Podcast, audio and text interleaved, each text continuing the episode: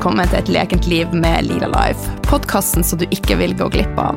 Her får du de gode og hjertevarme tipsene for et lekent og balansert liv og helse. Nye tema hver uke. Hormoner, fordøyelse, matglede, sex, selvtillit, eteriske oljer, stress, stressmestring osv. Ja, hva prater vi egentlig ikke om? Noen ganger så har jeg med meg spennende gjester, og av og til så er det meg. Og hvem er jeg? Jeg er Oline, jeg er næringsterapeut, yogalærer, veileder i eteriske oljer, mamma, livsnyter og har ei brennende interesse for ei naturlig helse. Jeg har vært alvorlig syk i mange år, og nå er jeg 43 år og faktisk mer vital enn noen gang. Livet, det leker lite grann. Mitt mål med denne podkasten er å vise at det er mulig å gjøre en stor forskjell med små endringer, brikke etter brikke, steg for steg. Sharing is caring, og jeg blir så glad om akkurat du tar deg tid til å legge igjen en kommentar på iTunes. Det betyr at budskapet når flere, og gjerne tips en venn, naboen, en partner. Ja, du får lov å tipse faktisk hvem du vil. Et stort smil og en smask ifra hun Line Lila Life. Det å føde et barn er en stor ting i livet, og for noen så stort at de kanskje glemmer seg sjøl litt i prosessen. Eh, og etter hvert som tida går, så kan det å være mamma kanskje bli en unnskyldning som noen velger å skjule seg bak. Jeg tror også en del fedre går gjennom de samme prosessene, og kanskje også de som ikke har født. Eh, vi glemmer rett og slett å ivareta oss sjøl. Og når ting oppleves som vanskelig og tøft, så skjuler vi oss en, bak en haug med unnskyldninger. I dag så har jeg med meg en superspennende gjest. Eh, Marianne eh, Beisland Torell, sa det rett? Ja. Hun er mamma til eh, to små barn. Hun er naprapat. Eh, hun har drevet Cityklinikken i Oslo i 15 år. Og så har hun starta Mammaklinikken i 2015, eh, og jobber også over nett. Det hun hovedsakelig brenner for, er å hjelpe eh, mamma til å bruke kroppen sin rett. Og i dag skal vi snakke om veldig mange forskjellige spennende tema.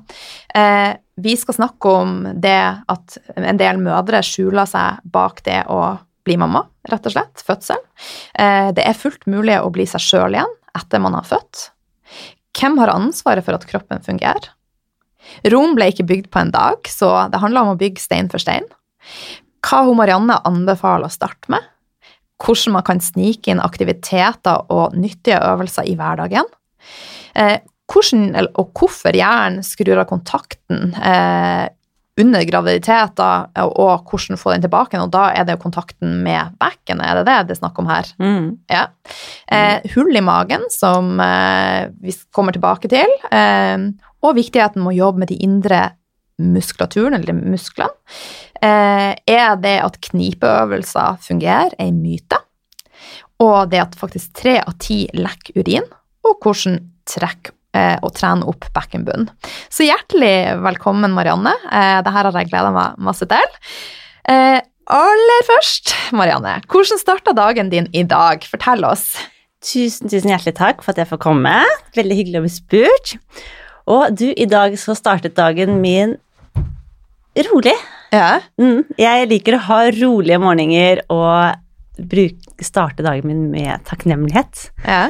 Um, så det var rett og slett det jeg startet dagen min med. Det strekke meg godt opp og starte dagen med å se tre ting som jeg er takknemlig for. Og tre ting jeg ønsker å få ut av dagen. Så at jeg kan sette meg i riktig state for dagen. Ja. Det, er det sånn at du skriver det ned da, eller tenker du det? Stort sett så tar jeg og skriver det ned. Ja. Men eh, noen dager, som småbarnsmamma, så har man jo ikke alltid ikke mye tid til det, men jeg er veldig bevisst på at jeg alltid tenker det. Ja. Så det, er alltid, det er så utrolig mye man kan være takknemlig for, og er så utrolig mye som er bra. Mm. Og ved å fokusere på det, så får man mer av det, tror jeg. Ja, jeg tror også det er kjempelurt. Jeg er en person jeg våkner så jeg egentlig bare har lyst til å hoppe opp. Mm. Men jeg har lært meg til å Nei, jeg må legge meg ned igjen og bare faktisk kjenne på det som du sier. Takknemlighet. Det er så fantastisk. Mm. Det gjør noe med dagen. Ja, og noen ganger så, veldig ofte så står jeg opp først, før jeg begynner med det. Står Mhm. opp og går på do, og så har jeg en mann som alltid lager kaffe til meg på morgenen. Ah. Så jeg tar liksom og henter kaffekoppen som er ferdig laget, og så setter jeg meg ned med boka mi og skriver ned. Men når du sier han lager deg kaffe, hvilken kaffe er det du drikker da? Presskannekaffe. Ja. Mm, det er et sånn must for meg. Presskannekaffe med litt kollagen oppi. Da er jeg klar. ja, så det er ikke noe smør eller noe dildal, sånn som veldig mange bruker? Nei, Nei. ikke i kaffen. Nei. Det tar vi og putter på andre steder. Ja. For eh, fett er viktig. ja. Mm. Eh, hva spiser du til frokost da?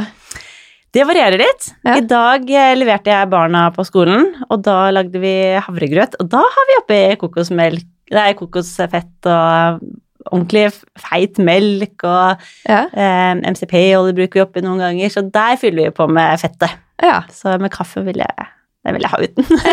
Jeg spiste også havregryn til frokost i dag. Ja. Det er så godt. Eller så pleier jeg ofte å ha smoothie. Det syns jeg også er veldig deilig på morgenen. Og hva er typisk å putte i smoothien da?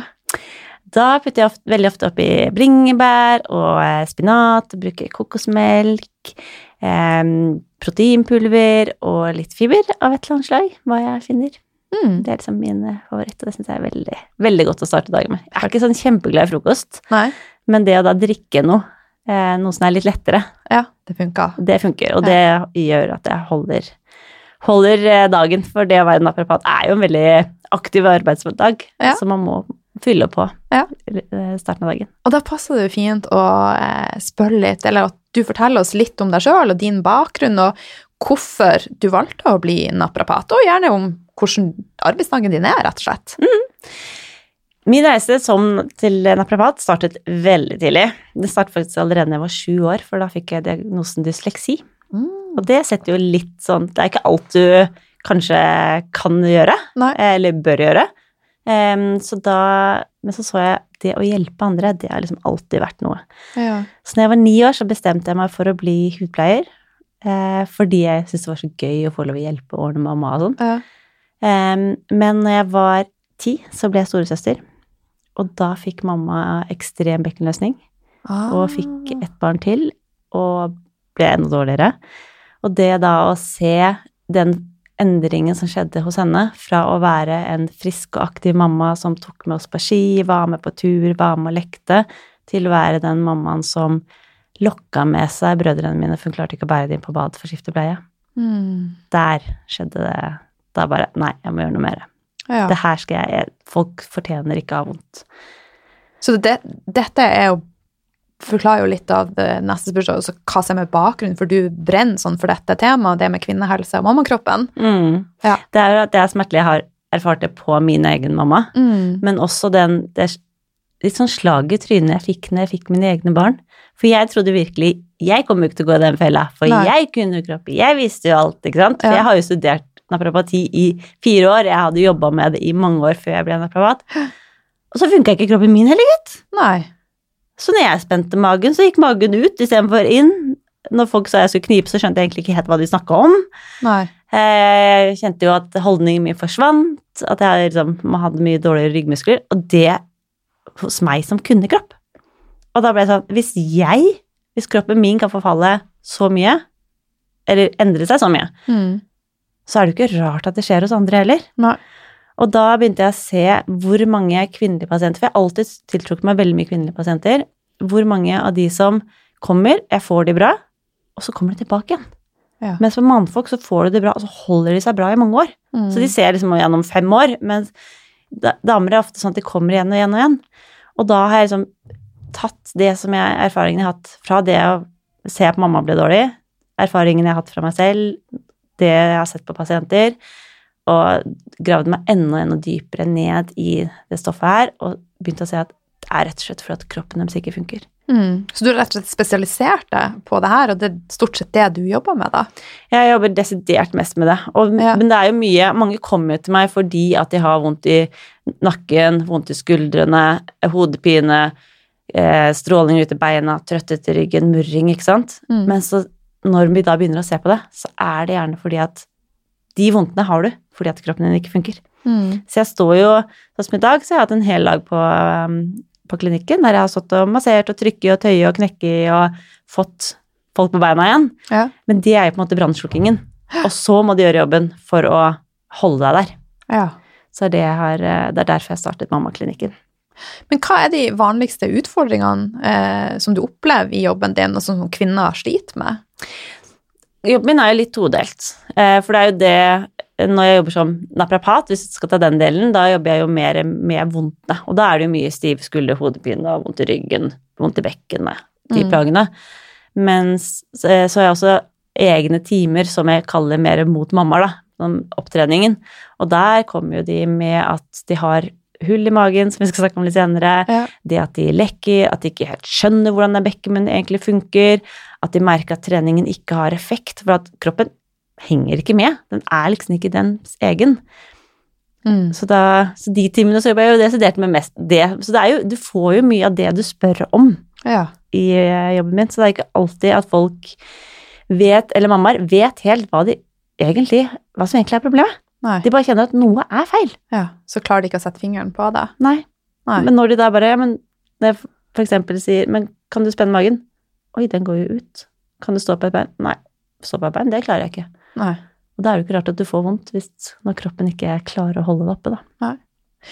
Eh, altså, jeg vet, om, jeg vet ikke om det her spørsmålet helt passer inn da, ut fra det du har sagt, men hvorfor tror du så mange mammaer rett og slett lever med smerte? Så du har jo fortalt litt om det, men er det noe mer du vil tilføre der? Jeg tror mye den eh, Jeg vet ikke hva jeg skal kalle det, men det at folk sier ja, men det bare er sånn. Ja.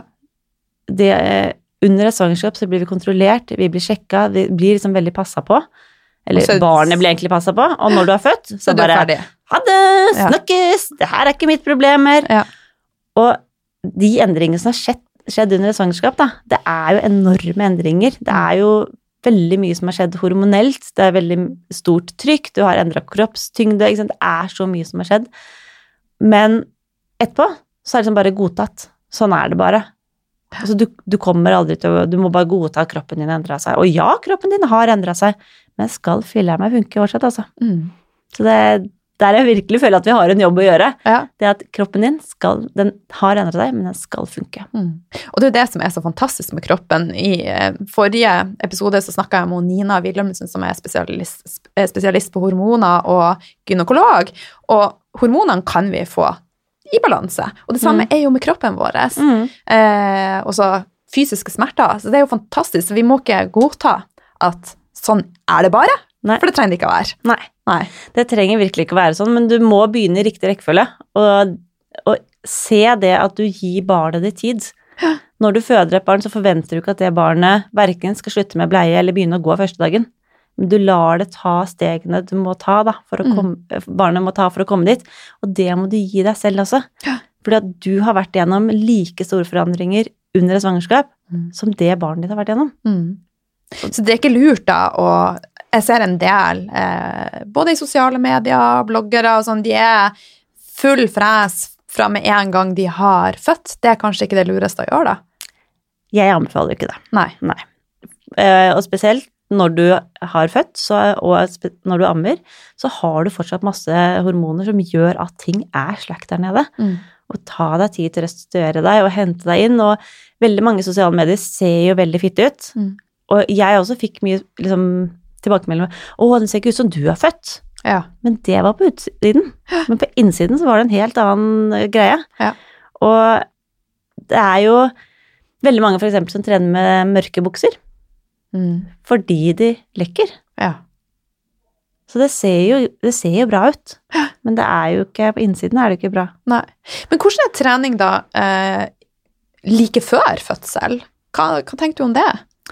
Altså man skal trening. tilpasse det i forhold til kroppen. Ja.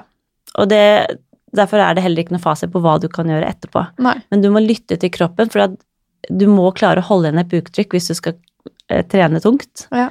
Det vil si at du skal klare å holde igjen magen. Magen skal ikke gå utover, den skal gå innover. Ja. Og du skal klare å holde igjen i bekkenet, så kjenner du at du presser ned der, og at du bruker andre muskler, Mm. så skal du ikke gjøre det. Men det er veldig, veldig bra å, å trene underveis. Ja. Men eh, de, de små musklene er det absolutt viktigste. Men det er et sånn klassisk eksempel på Jeg har to barn, da, men de er store nå. De er 16 og 18. Mm. Og jeg trente altfor mye frem til jeg fødte og fikk kjeft for at bekkenbunnen min var for stram. Og begynte med full pace igjen etterpå, men det har jo kosta meg i ettertid. Mm. Så derfor er det så bra og så viktig den jobben du gjør, og det budskapet vi har i dag. Mm. Ja, for det, altså en sixpack har ingenting å si så lenge du ikke er bra på innsida. Nei. Nei. Og det som jeg ser, er at veldig mange trener veldig for utsiden. Ja. Men det funker ikke i hverdagen. Nei. Altså, de kan løfte mange kilo på treningsstudio, men når det kommer til å kunne hoppe trampoline med barna sine, eller løfte barna og bære dem hjem fra barnehagen fordi at de er trøtte og slitne, Ja. det orker de ikke. Nei. Og der er litt sånn Men det må jo funke i hverdagen! Du må trene de, det som kroppen din trenger i hverdagen, for du har desidert mest hverdag. Ja. Det er ikke så ofte du er på et treningssenter. Nei. Og det å da bruke kroppen sin riktig i hverdagen, det er da du får en kropp som funker Ja. nå. Og også når eh, hormonene blir eh, Kommer der igjen i overgangsalderen og ting blir litt slakkere igjen. Det er greit å ha en kropp som henger med hele veien. Ja. Men du, i et av innleggene dine så sammenligna du kroppen med ei pappeske. Forklar litt om det, da. Jo, jeg ser jo kroppen som en pappeske der du har eh, diafragma, altså de musklene som går mellom ribbeina, som én Ja. vegg. Ja. Og så har du ryggen som én vegg av pappesken. Mm. Så har du bekkenbunnen som én vegg, og magemusklene som én vegg. Mm. De musklene som er mellom ribbeina og, rygg, og i ryggen, de er jo sterke og stabile igjen. Eller sterke og stabile selv etter en fødsel. Ja. Bekkenbunnen, uansett om du er født vaginalt eller tatt keisersnitt, så har du hatt et trykk i bekkenbunnen. De som er født vaginalt, har jo selvfølgelig hatt mer drag, men veldig mange starter jo kanskje vaginalt også, og så tar du keisersnitt, og da glemmer de kanskje litt at de har hatt, faktisk hatt starten. Men da anser jeg da den ene veggen som litt uthøyd. For de aller, aller fleste, og jeg tror faktisk ikke jeg har møtt noen ennå, som har full kontroll på bekkenbunnen. Der de er sterke nok. Så derfor sier jeg at det er en elastisk vegg. Mm. Og så har du magemusklene. De blir jo, når magen blir større, så dras de rette magemusklene, altså sixpacken, de Mm. går, må jo dras ut og dras til siden for å få plass til magen. Ja. Og mellom de rette magemusklene så har du akkurat som en tyggis. Og på den så ryker en del.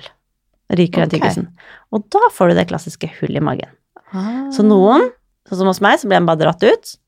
Der ble det som en slappstrikk når ungen eh, forlot ho- hulrommet.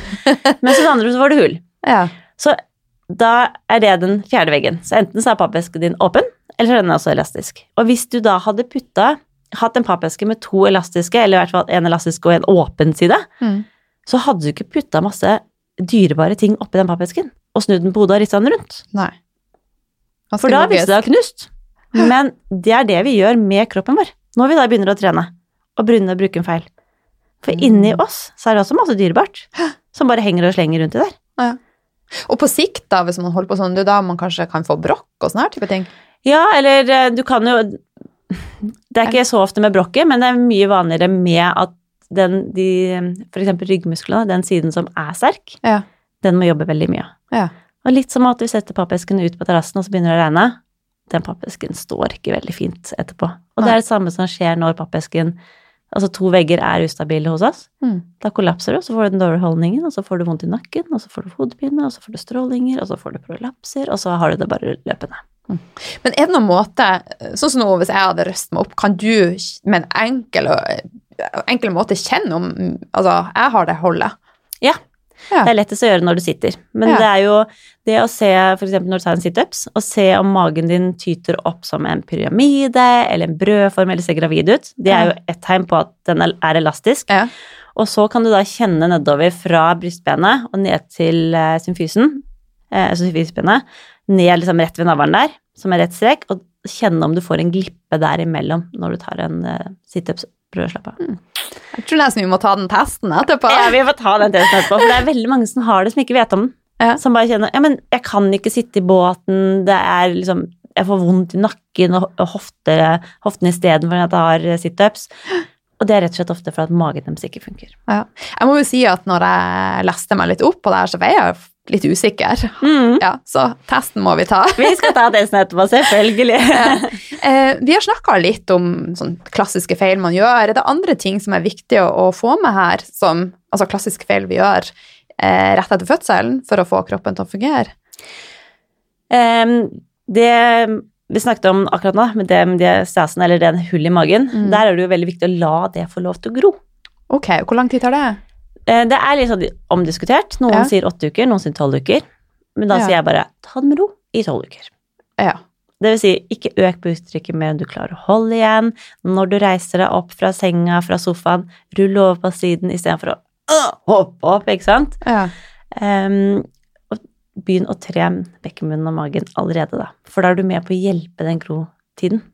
Ja, så tolv uker. Hører dere det? Tolv uker har vi lov til å faktisk ta livet med ro og nyte bare ba- babytida. Bare babytiden. Ja. Og også, det er lov til å be om hjelp. Vi mammaer skal jo være superwoman fra første dag, og Ja. ja. men jeg kan handle, og jeg kan ta og bære vogn, og jeg kan løfte Vet du hva, mannen din, hvis ikke du skal bruke vognen før du skal ut og kjøre, la han få løfte den inn i bilen, for han stikker på jobb. Ja. La mannfolka få lov til å hjelpe oss. Ja. De vil veldig ofte hjelpe. Ja. Det, ta vare på kroppen din. Det har skjedd ekstremt mye. La deg få komme litt i balanse igjen. Det er en grunn til at det heter barseltid. Ja, Mm. ja. Absolutt Det er ikke get fit-tiden, liksom. Som veldig mange virker som eh, tror. ja. Men du, vi har prata også litt om det at når magen siger utover i løpet av dagen, men kan du forklare litt mer hva som skjer? For mange våkner med en flat mage, og så blir den større og større utover dagen. Mhm. Det er jo Musklene består av noe som heter myosinaktin, som krabber oppå hverandre for å holde, holde tak. Og så slipper de opp eh, når de skal eh, slappe av igjen, da. Ja. Og det som skjer, er at når du starter dagen, så én, så har du ikke så mye inni der, men også så hvis du klarer å holde litt spenn i magen, så klarer du å holde magen oppe. Men etter hvert så blir musklene trøtte, og da kommer den magen ut. Ja.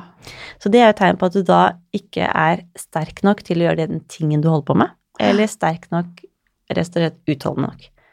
Ok, så Og det er litt på samme måte som når du tar et melkespann da, i hver hånd og strekker armene rett ut. Så går det helt fint, Ja. men så da begynner armene å dale. Og det er på samme måte som da begynner magen også å sigge ut. Ja. Så det er jo tegn på at du bruker magen, eller ikke klarer å bruke den, da. Mm. Og der ser jeg jo at veldig mange begynner å bruke, bruke hold-in, for eksempel, ikke sant, for at de skal holde igjen. ja. Og da blir det jo bare surr der òg, for Ja. pusten er jo en genial måte å trene magen på. Ja, Magen skal du faktisk gå inn og ut med pusten, Ja. sammen med bekkenet. Så da pusteøvelse, rett og slett? Ja, ved at du puster og bruker eh, magen din til å puste med. Ja. ja. For mange går jo og holder pusten, og da jobber du også imot deg sjøl, ikke sant? For du vet, det du, det du trener, Ja. det blir fittere. Ja.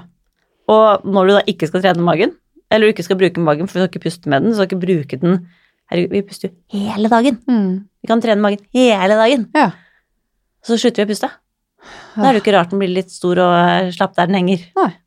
Hvis dere syns jeg pusta litt mye her, så var det jeg fikk bare sånn ekstra behov for å puste. Og prøve å puste helt ut. For når du puster helt ut, og det bare blåser ut, ut, ut, ut, ut, ut, ut, ut, ut, ut, ut. Ja, du bruker muskulaturen innover. Ja, Ja. og så slipper du opp. Og da kjenner du at magen din går utover. Ja. Og da kommer du helt ned istedenfor bare puste her oppe. Så det er kjempedeilig. Det er en sånn genial måte også å roe seg ned på kvelden. Altså, du kjenner jo at alt i kroppen faktisk eh, løses opp, også skuldre og nakke og Ja. For du kommer helt ned, du får den indre roen. mm. Og det hender jo, jeg vet ikke med lytterne sine barn, men mine barn hender innimellom at det er litt trassig, eller at det skjer et eller annet. Og da kan mor bare puste. Tre rolige pust, så kan de få roe seg ned, og så holder jeg altså roen mye mer. Så det er en sånn genial måte også å hente seg inn i løpet av dagen. Ja. Pust rolig ut noen ganger, og du både får trent magen, og du henter inn energi.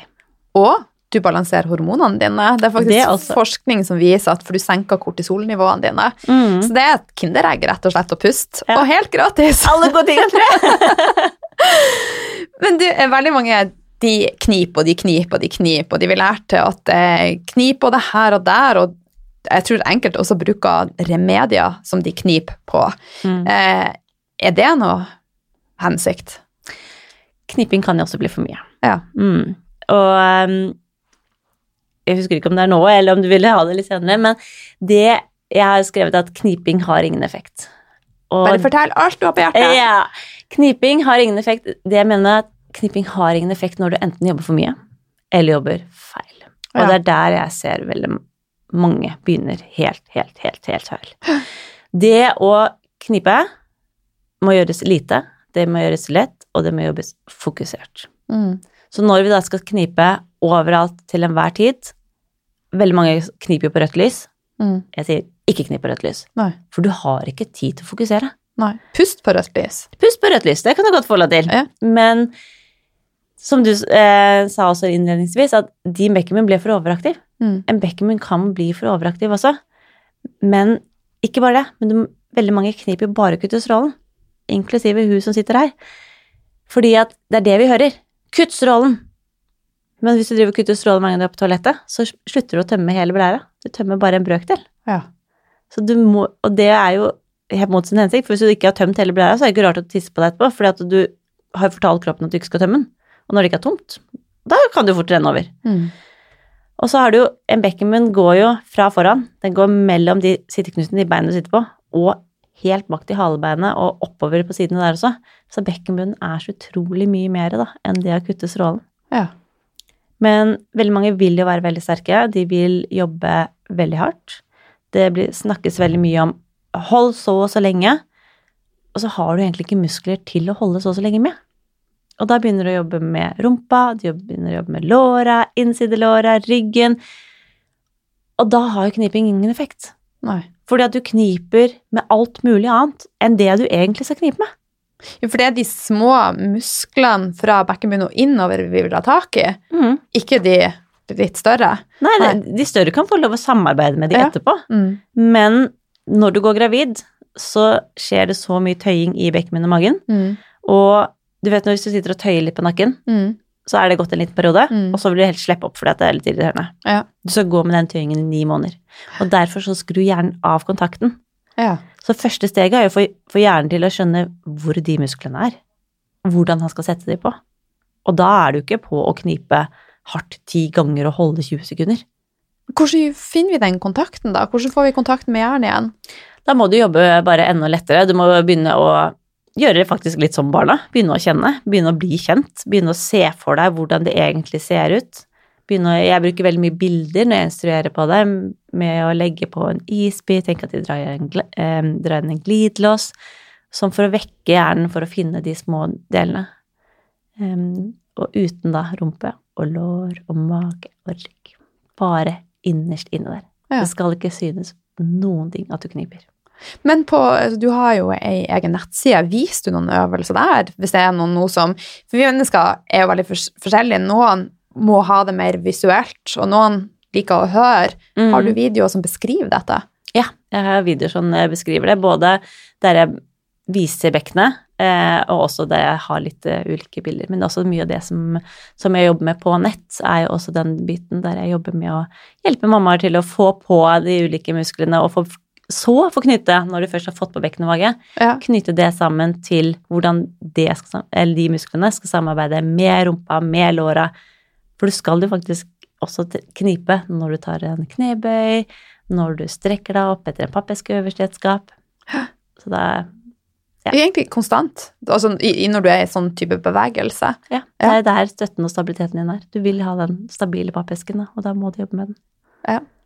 Men denne type lette knipinga, det er jo opptrening av bekkenbunnen.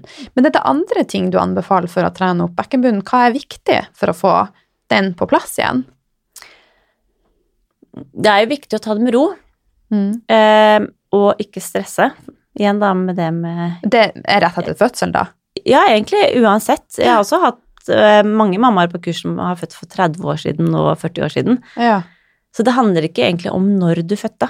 Det handler mer om hvis ikke du har lært de musklene å jobbe riktig, så Mm. må du bare gjøre det. Og jeg ser jo veldig mange unge har jo også det problemet her nå, fordi at de holder inn den magen, de går med for trangt tøy, så de skal jo ikke eh, begynne å, å puste med magen, ikke sant, og så kommer det problemet tidligere. Eller det stedet kan det også komme ved overvekt. Ja. Mm. Så det å gå med trange klær er ikke så gunstig? Hvor lett er det å puste med trange klær? Nei. Eh, Nå har jeg et ganske romslig skjørt, men jeg er helt enig. Altså, det kan faktisk være avgjørende for hvordan jeg føler meg. Og da, du merker jo veldig ofte at hvis du går med, i hvert fall jeg merker hvis jeg går med trange, trangt tøy og ikke kan puste med magen, da får jeg vondt i ryggen. Ja. Og så funker ikke tarmen. Hvis ikke tarmen funker, da blir ikke akkurat den magen så veldig mye flatere heller. Nei. Og det er jo veldig logisk, dette. Ja, egentlig, så jeg tenker at det er veldig logisk, men det er jo ikke Nei. Det er jo ikke der vi tenker. Det er ikke sånn vi tenker. Nei. Mm. Og så er garantert noen som sitter og hører på. Finnes det noen quick fix?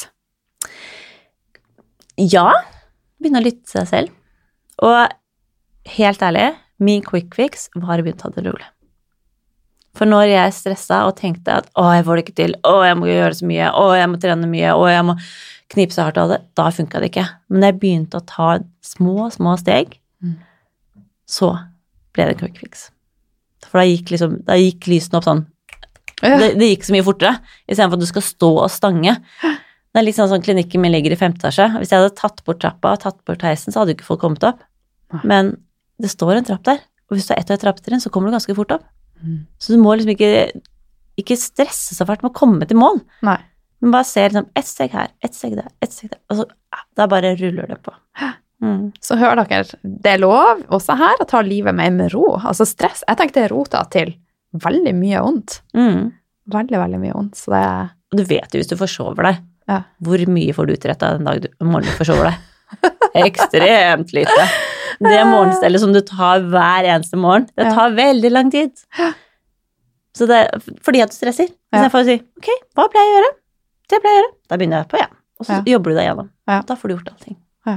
Nei, det er igjen veldig logisk, men så er det noe med å faktisk klare å utrette. Eh, og som alt, man må øve, øve, øve, øve, øve Mm. på det man ønsker resultater på. Ja. Ja. Og sånn som em, i det kurset som jeg har, så der går vi jo så ut Altså, andre, noen kan si ja, men det går så sakte fram, men det er liksom virkelig det som gir verdi etterpå, da. Og det er de som har tenkt det her gikk sakte, det er de som virkelig får en stor aha på at det var det her jeg trengte. Det var ikke å gå liksom og kjøre med bootcamp og PT-timer jeg, læ- jeg trengte å lære meg å stå igjen.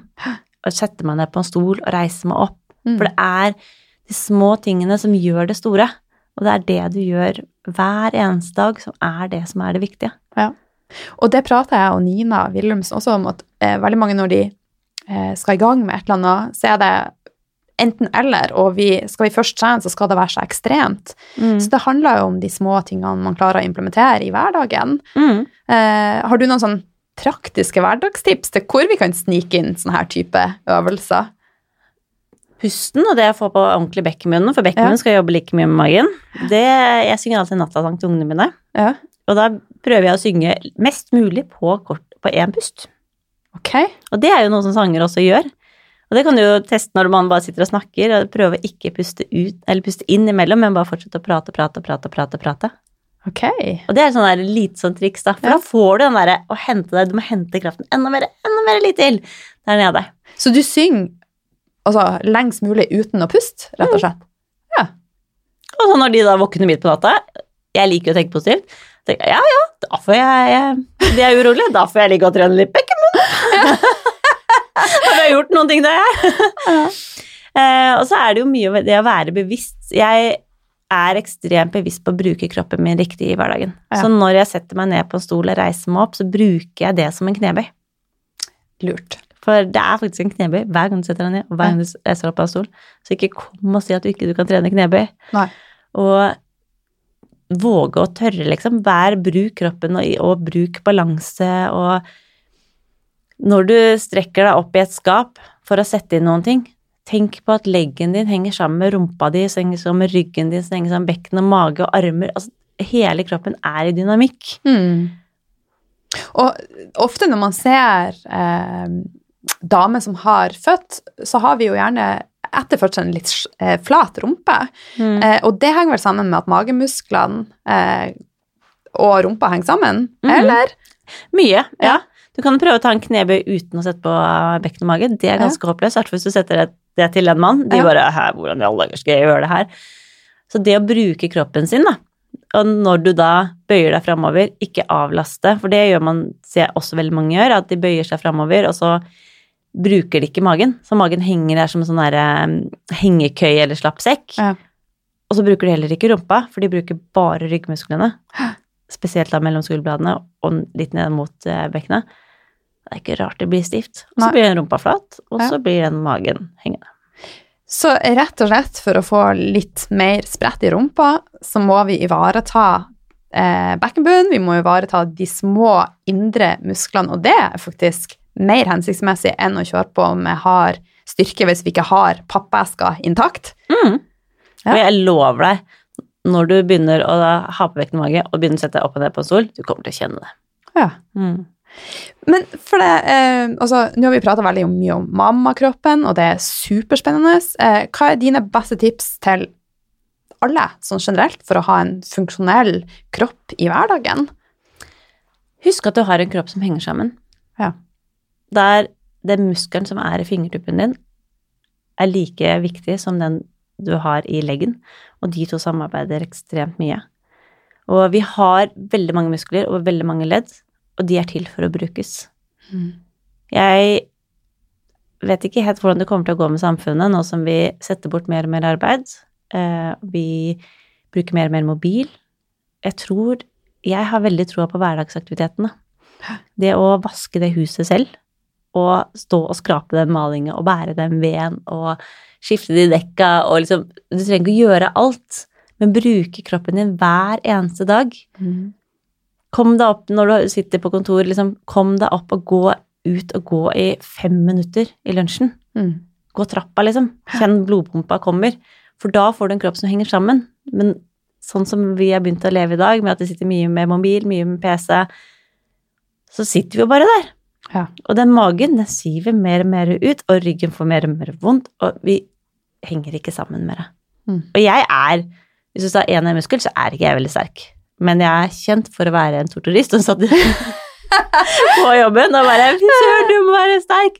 Men det handler ikke om det. Nei. Det handler bare om at når jeg står og masserer og trykker triggerpunkter, Ja. så bruker jeg leggen og rumpa og låra og ryggen og magen og bekkenet og armen. Alt, liksom. Mm. Jeg jeg, er ganske fascinert av Blue Zones-landene. Jeg vet ikke om du har hørt om de. Det er, det er jeg tror det er sju til ti land i verden hvor de lever lengst. da. Mm. Og en av tingene som er en sånn rød tråd der, er at de er i hverdagsaktivitet, som du beskriver. De gjør ting sjøl. Mm. Og ofte så har de soverommet også i andre eller tredje etasje.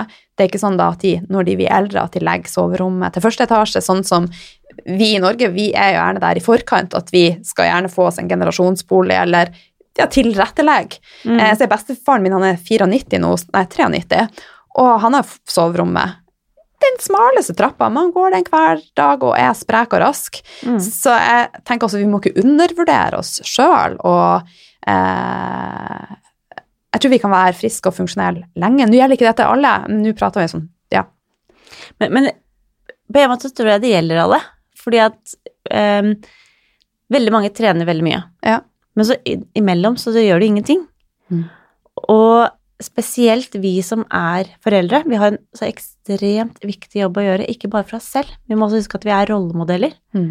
Og det altså barna mine har noen ganger sagt Men mamma, hvorfor må, kan vi aldri kjøre? Alle de andre kjører til barnehagen, kjører til skolen, og vi må gå selv om det regner! Å, det er så mye snø! Så bare, ja, men det er en utrolig digg start. Ja. Vi får snakka sammen, vi får frisk luft, og når det er mye snø, så må vi jobbe, vi blir litt svette. Vi har jo ikke noe vondt av det. Nei.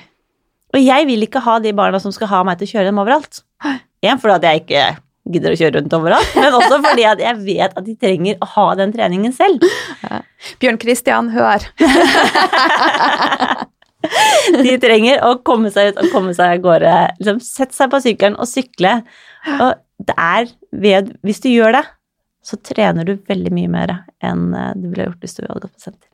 Jeg tror mange um, mødre og fedre kjører ungene sine for at de ønsker å være snille, mm. men i det store bildet så tror jeg vi gjør oss sjøl en bjørnetjeneste, og det er jo Mm. det du egentlig forteller. Ja. Hvis du vil eh, at barna dine skal få vondt i ryggen og bli fete og bli late og sånn, så ja, bare kjør. Ja. Og ja, jeg kjører barna med til noen aktiviteter, jeg òg, fordi jeg er for langt unna. Ja. Men jeg vet at kvalitetssiden er, det, er ikke der det, det er ikke der du er snill. Nei. Og jeg vokste opp med at jeg måtte gå uansett hvor langt det var, selvfølgelig ikke hvis det var to timer unna, og jeg synes det, når jeg ser tilbake nå, så synes jeg det er fantastisk at det faktisk var sånn. Så det det er jo ikke tungt og slitsomt når du bare har vent deg til det. Nei. Det er som du sier, det er en fin start på dagen, rett og slett. Ja. Og når jeg henter de, Så det er noen ganger jeg drar det akebrettet, og de har Fordi i Oslo så gruser de overalt. Det er jo bare øh, tungt. Så tenker jeg ja, ja, dette blir god treningsøkt. Og jeg får jo Jeg blir kjempesøt, men kan jeg bare skifte, da. Ja. Og det samholdet som vi har på den turen hjem, det er jo så herlig. Ja. Og vi har mye, mye, mye mer muligheter enn det vi tror, da. Mm. Eh, dette er et spørsmål litt utenom eh, det vi hadde avtalt, men det med mobilbruk og sånn eh, Jeg ser sjøl at eh, Altså, jeg jobber jo mye i sosiale medier, at det påvirker meg i stor grad muskulært. Så tenk mm. på små eh, kropper som ligger på mobilen konstant. Ser du nå eh, at det påvirker de? Ikke bare på de. Nei. Ikke bare på de små, også Nei. på de store. Men vi, de lurer jo på om nakkevirvelen, den som går liksom fra nakken og eh, overgangen det til eh, skuldrene, holdt jeg på å si, Mm. om den kommer til å endre seg på sikt. Det er jo helt eh, Fordi vi sitter så mye framover. Det er ganske scary. Ja. Og jeg ser veldig mye mer hodepine og stive skuldre på barn og voksne. Så pleier jeg å si, men kan du ikke sette armen til sida, da, og så løfte opp den mobilen? Mm. Liksom så den kommer opp til høye høyde istedenfor at du skal ned til mobilen. Mm. Ja, men da blir jeg så sliten i armen. Bare, ja, men det er kanskje på tide du skal legge fra deg mobilen, eller? Ja. For det å sitte med mobil, spesielt for barn, da, det er som å ha en bowlingball i bakhodet. Wow. Mm. Gjenta det. Det å sitte med mobil er som å ha en bowlingball i bakhodet. Og du hadde ikke latt ungen din få sitte med en bowlingball i bakhodet. Eh, ok, nå er det faktisk på tide at vi revurderer mobilbruken her, hører jeg. Mm. Men sett bare armen i sida, løft opp mobilen. For ja, mobilen det, vet du, det er masse geniale ting der. Sånn som Mm. Sønnen min har fått helt dilla på Pokémon i sommer. Og vi har gått og vi har gått og vi har gått, og vi har gått, for han skal jo fange Pokémon. Ja. Så det er jo det er jo positive ting òg, for vi har jo vært masse ute. Ja. Men du må liksom finne mellomting, da. Ja. Så bare det der å sette mobilen som, Sønnen min er veldig glad i å se på iPad, og han vil helst se på iPad, for han syns at det å se på TV blir, blir litt mye. Han vil, spesielt nå som vi er på skolen, så vil han trekke seg litt inn i hulen sin. Mm. Og bare, ja, men, da har jeg sagt, ja, men han må få lov å ha den iPaden. Men da har jeg sagt, men du må ligge. Ja. Så enten så må han ligge på ryggen, og da må han holde iPaden opp, eller så må han ligge på magen og, og ha iPaden foran seg, eller så må han ha iPaden på bordet og bøye seg framover. For da bruker du hofteleddet. Mm. Og det er jo mye sterkere enn den der lille nakken. ja. Og så er vi jo ikke Ting funker jo ikke alltid. Noen ganger så sitter han også med den på fanget. Ja. Vi er bare en helt, eller, vi er en helt vanlig familie, vi òg. Ja. Men det å være litt bevisst da, på å prøve, prøve å løfte opp. Så faktisk, øh, jeg, hvis jeg skal bruke mobilen, for sitt sånn som dette, da. Sett albuen i sida, Ja. inn i sida, og så beholder du mobilen opp. Mm. Det er ikke så slitsomt. Nei. Nei. Nei. Albuen sida, løfte opp mobilen opp Ja. til øyehøyde. Ja. Og vet du hva som er genialt? Spesielt her i byen. Mm. Her sitter jo alle på T-banen her i Oslo. Ja. Det er veldig mange færre som ser hva du holder på med. Men sitter du med ned på fanget, da ser jo alle som sitter foran, rundt deg, ser hva du holder på med. Aha.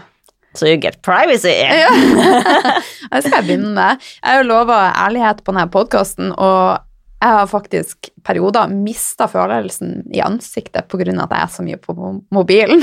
Så jeg er et sånn skrekkeksempel. Mm. Eh, Så derfor har jeg også satt grenser, sånn at jeg har ikke varsling på noe på, eh, av apper, og Messenger og mail er skjult, Mm. eh, rett og slett. For at det kan jo også bli en avhengighet som ikke er gunstig for noe. Det er en avhengighet. Mm. Og I'm guilty. Jeg jobber også veldig mye på, på mobil og PC. Og, men det er bare finn en balanse igjen, da. Ja. Og det der at man kjenner opp i ansiktet, det er jo mest sannsynlig for at du får en klem på en nerve. Ja. Men når da nakken Nakken vil jo egentlig være oppå toppen. Ja. La den få være oppå toppen, så vil den roe seg litt mer ned. Jeg har fått mange gode tips, altså. Og så skal vi jo puste, så da går det sånn. Kommer skikkelig send i dag. Ja, det blir fantastisk. Men du, eh, litt tilbake til deg sjøl, da. Eh, Hva gjør du for å ivareta hun Marianne? Jeg er blitt flink til å be om hjelp. Og be om tid. Lurt. Mm. Og så jobber jeg med å droppe dårlig samvittighet. Mm. Jeg fikk et råd en gang om å Der jeg fikk beskjed om at det, nå får du tre sekunder på deg. Den, det du tenker på, enten kan du gjøre noe med det, eller så kan du droppe den dårlige samvittigheten. Og det prøver jeg å kjøre. Lurt. Så, ja, men jeg skulle jo vært på den avslutningen. Kan du det nå? Nei. Ok, da kan du droppe dårlig samvittighet også. Ja. Man kan bare altså, dropp dårlig samvittighet. Det, er- det hjelper deg ikke, det tar deg ingen sted. Og det der å også be om hjelp. Jeg elsker når andre spør meg om hjelp, og la, liksom, ta med meg noen ekstra unger til skolen, eller liksom lage noe mat, eller you name it. Andre vil også hjelpe meg. Mm. Gi de gleden i å få lov til å hjelpe deg. Få lov, at det ikke alltid er vi som skal stille opp for alle andre, men at alle andre, eh, andre kan også få lov til å stille opp for deg, da. Det var en veldig fin måte å vinkle det på, syns jeg. Ja, det er mye hyggeligere i hvert fall. Ja, ja. Mhm. Og jeg tror folk vil hjelpe, det, men det er ikke så lett å hjelpe når du ikke vet hva de vil ha. Nei. Så da må man spørre. Mhm. Ja. Kan jeg gå ut og trene? Ja, selvfølgelig, sier mannen min da. Hvis ikke jeg spør, Ja. så spør jo ikke han. Nei. Og hvis han sier du skal ikke gå ut og trene, så er det jo ikke alltid det blir tatt imot positivt. Så noen ganger er det bare best å spørre. Lurt. Mm. Så det gjør det. Det andre tipset er vel det. Altså hvordan, du har fortalt litt hvordan du spiser, og, men har du andre sånn hverdagstips? Det er også mye fokus på det positive, da. Ja. Og hvis det er noen ting du møter på veien som ikke gikk helt din vei, så er det noe du skal lære. Og det er veldig, veldig bra å lære. For det at, det at du lærer, og det har vi gjort mye av gjennom livet, det gjør at du har lært, og du ikke gjør den feilen så en gang til, og du gjør ting enda mye bedre. Ja. Learning by doing. Learning by doing. Rett Så når du tenker positivt, så kommer man eh, Det er så mye bra! Ja. Fantastisk mye bra. Klapp deg selv på skulderen og vær happy. ja. Sjøl har jeg kanskje praktisert det de siste åra. Jeg ser i stor forandring, og eh, ting går smoothere, rett og slett. Mm. Ja, så det, det vil jeg anbefale til absolutt alle. Ja. Ja. Det tre positive ting. Og gjerne sa det hver, hver kveld også. Tre ting du er takknemlig for for dagen, og én ting som kunne vært litt annerledes. For det er bra å ha med seg læring. Det er kjempebra å ha med seg læring. Og det er et spørsmål som min mann og mine barn noen ganger syns kan være litt slitsomt at jeg kommer med, men det prøver jeg å kjøre hver middag, eller hver gang jeg går og legger de, at de skal fortelle meg tre ting de har vært takknemlige for, og én ting som kunne vært litt annerledes. Det gir veldig innsikt i barnas liv, men samtidig så gjør at de får fokus på det som har vært bra i deres liv. Ja, kjempe, kjempefint. Du, du skriver at du skulle ønske at alle kunne leve livet eh, slik at eller, Nå går, går det krøll i tunga her. Det er ikke så rart. Eh, eh, du skulle jeg, jeg, Du tror jo du må bare prate her. At jeg skulle ønske at eh, alle kunne leve det livet de ønsket, uten at kroppen satte en stopper for dem. Dette er første gang hun Lila Life har fått krøll. Jeg, jeg rødmer faktisk her jeg sitter. Kjenner at du blir litt varm. Men litt varm. hormonene mine har begynt å Men samtidig så er jeg fan av at ingenting skal redigeres bort. Alle kan få krøll på tunga. Alle kan få krøll på tunga. Det jeg mener da, med at alle skal kunne leve det livet de ønsker, Mm. er jo, som du blant annet nå, at man skal kunne ta den, gjøre den feilen, Mm. men at, er, at kroppen skal kunne velge, eller at du skal kunne velge, at ikke kroppen din skal sette stopp for deg, Mm. er jo mye av det som jeg fokuserer på som med det med mammaer, da. Ja. At hvis du vil sitte på et kontor hele dagen, så skal du kunne sitte på et kontor. Vil du hoppe trampoline, så kunne du hoppe trampoline. Vil du le deg skakk fordi du har krøll på tunga, så kunne du le deg skakk uten å være redd for at du tisser på deg. Og at det er du som, er best, som du bestemmer. Ja. Jeg har en som elsker å bli bært. Han er seks år. Han, å, det beste han vet er å bli bært. Han vil sikkert ikke at jeg skal si dette her, men han elsker å bli bært, og han elsker kos. Han kunne sikkert ha flytta inn i meg igjen. Og det at jeg da kan bestemme at hvor lenge jeg vil bære han, og at ikke det er kroppen min som bestemmer, bestemmer det for meg, Mm. det er sånn jeg vil at alle skal ha det. Ja, det er fint sagt. Eh, en ting som vi ikke har vært innom, eh, det er jo at eh, Og det er jo litt connecta opp til det du sier nå, men veldig mange, tre, faktisk tre av ti, lekker urin. Mm. Og eh, har også problemer med at man slipper ut luft, og ja, ting rett og slett ikke henger på greip. Det er jo ikke sånn det skal være. Vil de tipsene som vi har, eh, eller det du har tipsa oss om i dag, vil det da rette opp i dette? Ja, mye vil jo rettes opp i det ved at du gir deg tid og ved at du jobber med bekkenbunnen og sånne ting, men det er også det at du må slappe av. Sånn som de som promper. Mm. Veldig mange av de gir jeg råd for at de skal begynne å slappe av. Ja. For de jobber jo med eh, bekkenbunnen hele tiden, for de er så livredd for at den fisen skal komme. At muskulaturen står i krampe. Så når det først kommer, så har de ingenting å holde hjemme. Nei. Og da kommer den i full fart. Da kommer den i full fart. Ja. Og det er jo en natur... Altså når, jeg vil jo si Som ernæringsterapeut så er det jo ikke naturlig at vi skal gå fis, for da er det et eller annet som er i ubalanse. Men litt luft skal vi jo sive ut hele tida. Mm. Så det jobber, vi må jobbe med tarmen og, og slappe av, og samtidig ha de indre musklene på plass. Ja, og som når du, når du får mat ned i tarmen, så må jo den masseres gjennom tarmen. Og når du da går og holder pusten hele tiden, som veldig mange gjør da, og spenner Ja. bekkenmunnen, så får du ikke den massasjen. Nei. Og da får du heller ikke den Får du ikke maten gjennom tarmen, og da kommer det også mye mer gasser. Så der er det sånn der vond, vond sirkel, da. Tilbake til at alt henger sammen, faktisk. Alt henger sammen. Ja. Og veldig mange trener jo da med mørke bukser og går med bind og eh, kniper for harde livet for å ikke lekke. Men det er et symptom. Mm. Det er et symptom du skal ta på alvor. Og ikke godta at det bare er sånn. Ikke godta at du må løpe i skogen og løpe bak et tre, eller at du skal være redd for å fise. Det, alt kan endres. Ja. Det er ikke sikkert at du fant at den første personen du søkte hjelp, klarte å gi- gi deg de riktige rådene. Sånn som du sa, at noen vil jo se det, noen vil høre det, noen vil føle det. Mm. Vi har jo forskjellige sanser som er det vi vil bruke. Og kanskje du bare ikke har truffet den terapeuten eller den hjelperen som har satt ordene eller beskrivelsene riktig for deg. Ja. Så aldri slutt å ikke godta at det bare er sånn. Nei. Noen, men det er ytterst få, må operere. Men uansett, hvis du må det, så må du også ha en sterkere bekkenbunn. Mm. Eller ha en bekkenbunn som må begynne å slappe av. Ja. Så aldri gi det. Nei. Så for eksempel hun, hvis hun Kari på 65 sitter og hører på, og hun har lekt helt siden hun fødte når hun var 25, 40 år siden, så er det fortsatt håp. Mm. Ja. Jeg hadde med meg ei som het eh, Tove, og hun hadde trent to år med annet offentlig sykehus. Hun hadde virkelig jobba. Det var 30 år siden hun hadde født. Hun hadde gitt opp bekkenmunnen. Eh, men de ordene som jeg brukte, de beskrivelsene jeg eh, ga, som jeg ikke egentlig syns er noe universelt, men det er bare mine, min måte å beskrive det på, gjorde at hun slutta å leke. Fantastisk. Mm. Mm. Men det er, og for henne så var, var det riktig. Så du må bare finne din person Mm. som gir deg de beskrivelsene. Og én av tre, det er mye. Ja, det er det. Mm. Det er det.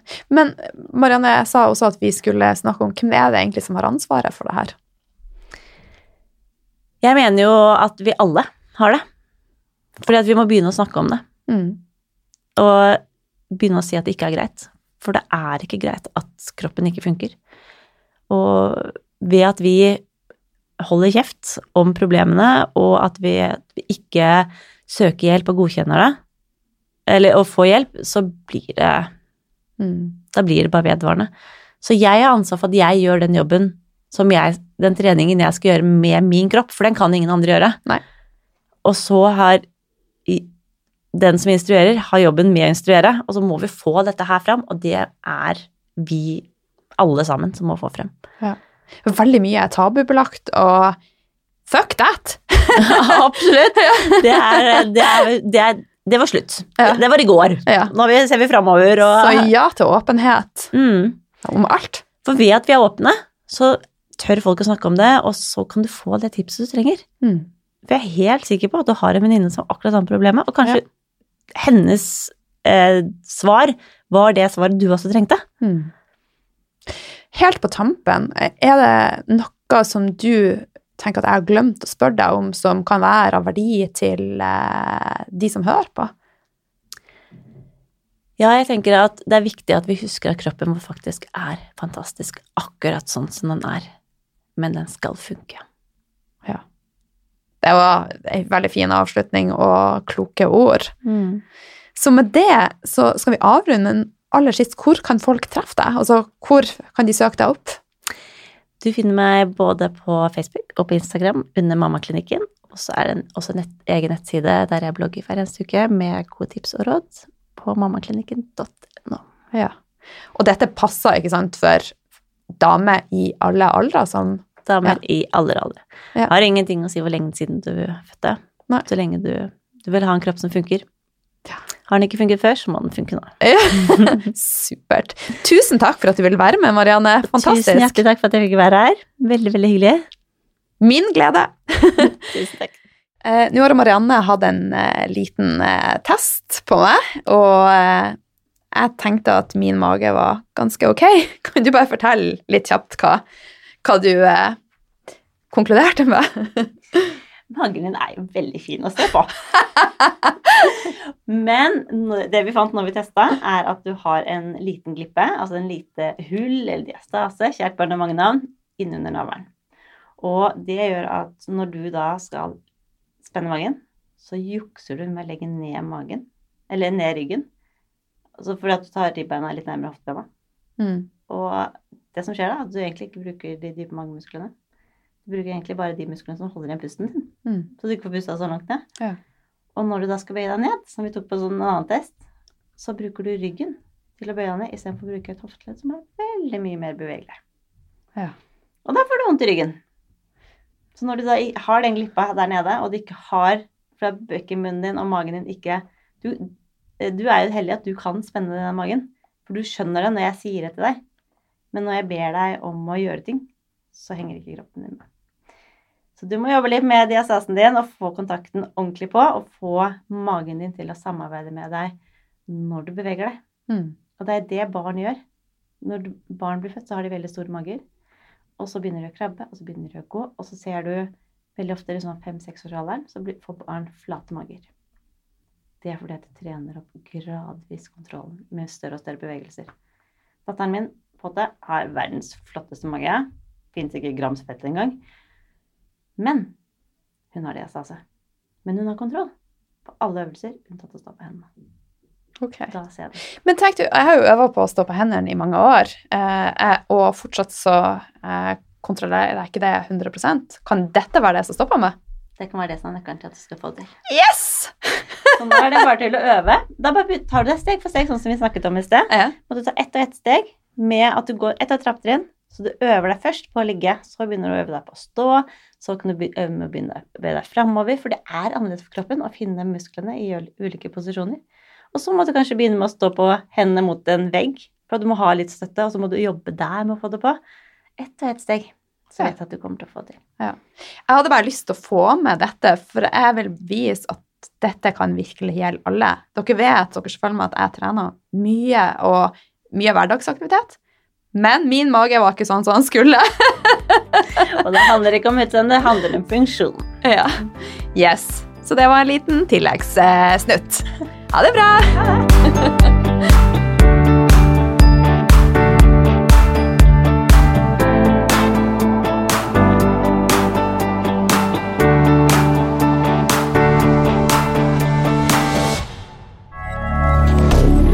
Moderne media.